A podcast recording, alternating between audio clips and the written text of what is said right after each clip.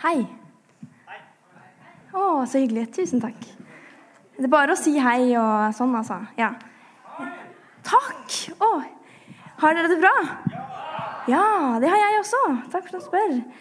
Um, jeg skal snakke litt om, uh, som uh, du sa Jeg husker ikke navnet ditt. Unnskyld. Um, om litt kamper og velsignelser. Fordi i hvert fall jeg opplever dager som en kamp av og til. Uh, der jeg har mye å gjøre. Jeg savner eh, mennesker å være med og eh, merker at liksom livet er litt der nede, men samtidig der oppe, da, på en negativ måte. på en måte. Ja. Um, og så kom jeg over en tekst som, er, som står i Matteus, kapittel 4, som handler om da Jesus ble fristet av selve djevelen. Og jeg tenkte jeg bare skulle lese den, og så eh, fortsette etter det, tenker jeg. Der står det. Jesus ble så av ånden ført ut i ødemarken for å bli fristet av djevelen. Han fastet i 40 dager og 40 netter og ble til sist sulten. Da kom fristeren til ham og sa, Er du Guds sønn, så si at disse steinene skal bli til brød. Jesus svarte, Det står skrevet, Mennesket lever ikke av brød alene, men av hvert ord som kommer fra Guds munn. Da tok djevelen ham med til den hellige byen, stilte ham ytterst på tempelmuren og sa, Er du Guds sønn, så kast deg ned derfra. For det står nemlig, han skal gi englene sine befaling om deg, og de skal bære deg på hendene så du ikke støter foten mot noen stein.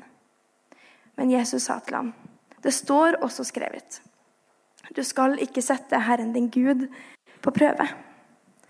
Og Så tok djevelen ham med seg opp på et meget høyt fjell og viste ham alle verdens riker og deres herlighet.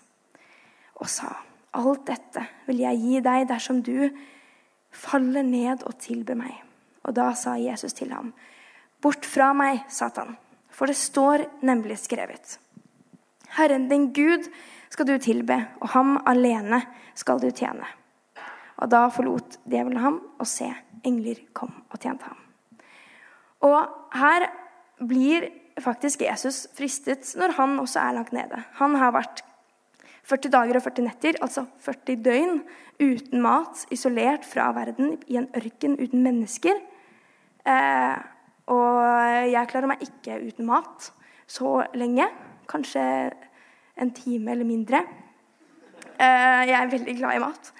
Eh, så bare tenk 40 døgn uten mat.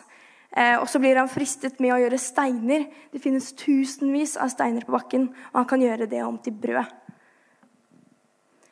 Eh, og da svarer Jesus eh, fra Og siterer faktisk fra Eller i hvert fall minner oss på da, her at fra Gamle Testamentet.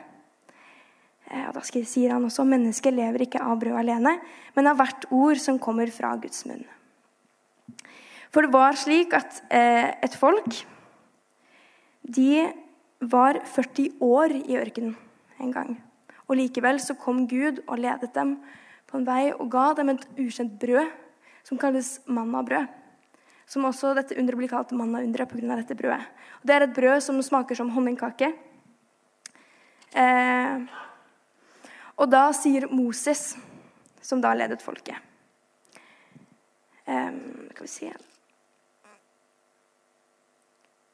Du skal huske den lange veien som Herren din Gud førte deg disse 40 år i ørkenen, fordi han ville ydmyke deg og prøve deg å få vite hvem som bodde i ditt hjerte. Om du ville holde hans bud eller ikke. Han ydmyket deg. Han lot deg sulte, han lot deg spise manna.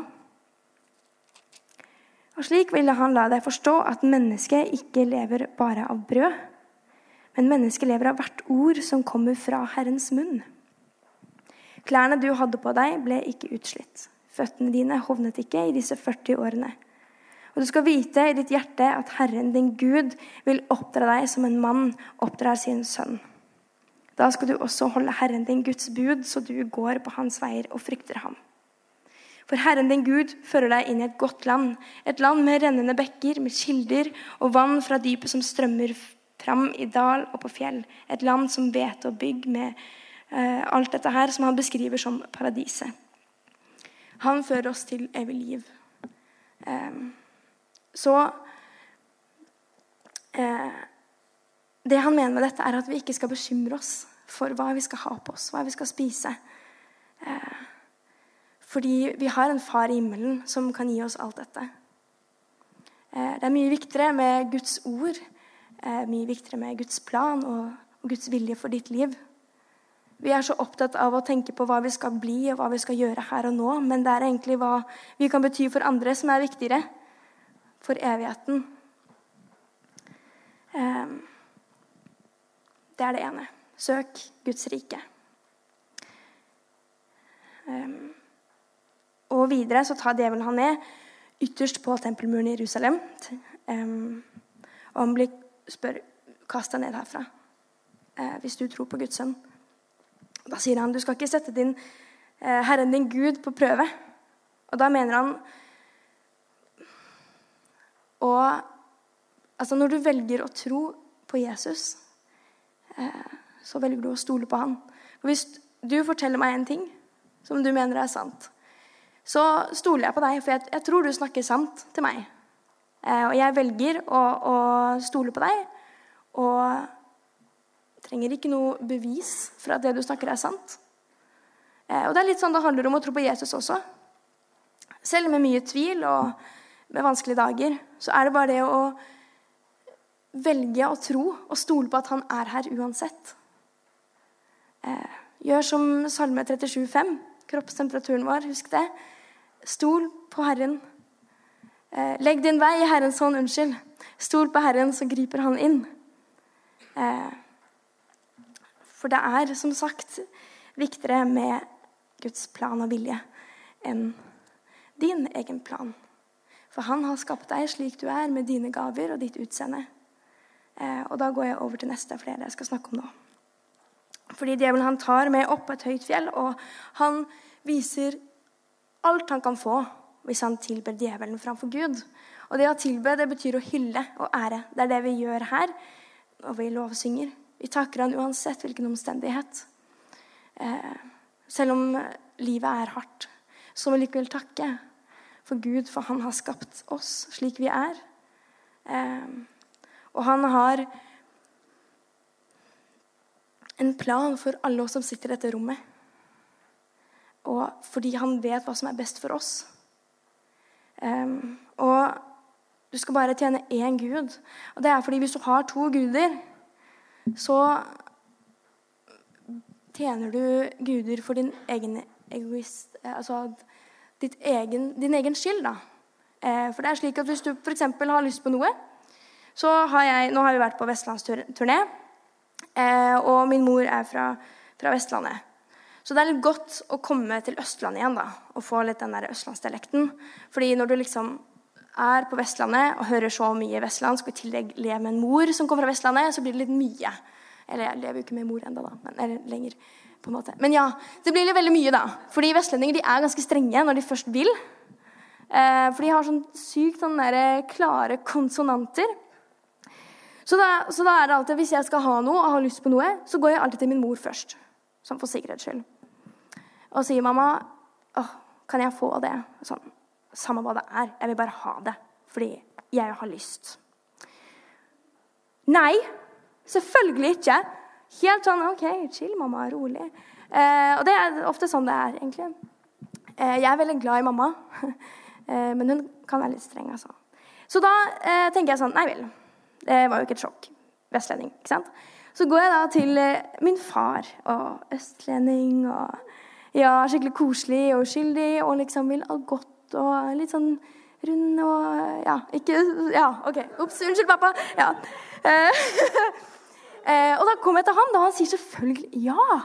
Selvfølgelig skal du få det, godjenta mi, lille prinsessa mi og Ja, åh, pappa. Og da blir det slik at eh, jeg alltid vil gå til pappa først, for jeg vet at hos pappa da får jeg alltid det jeg vil ha. Og da blir det litt sånn at jeg går til pappa fordi jeg vet at det jeg vil ha, det får jeg.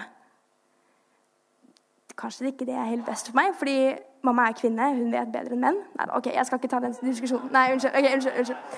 Um, um, men det er litt sånn hvis du har to guder, da, og du skal be om én ting, og så ber du om én ting, og så får du, den, får du det, det, du har lyst på, fra den ene, og ikke den andre. Så ender opp med å liksom hedre og hylle og tilbe den ene. ikke sant? Og da har du på en måte en gud for din egen skyld.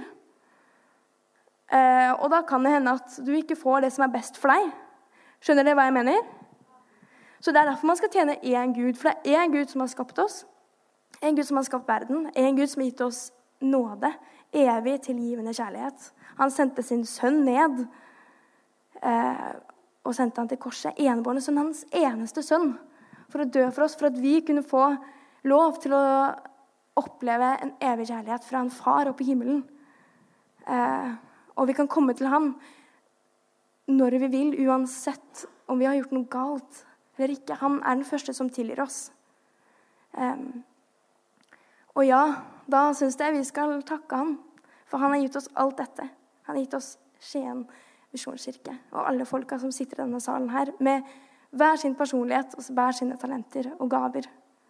Um, og vi kan faktisk ta dette til oss. Selv gjennom alle kamper så har vi en velsignelse. Og det er at vi har Gud. Vi har den roen som Gud har gitt oss, med at vi kan være oss selv, vi kan gjøre feil. Og Gud er med oss uansett. Og Jesus har opplevd alle fristelser vi opplever. Så det å høre på dette her, at han søker Guds rike først, og han stoler på han, og han takker han, det syns jeg er en god oppfordring til oss disipler.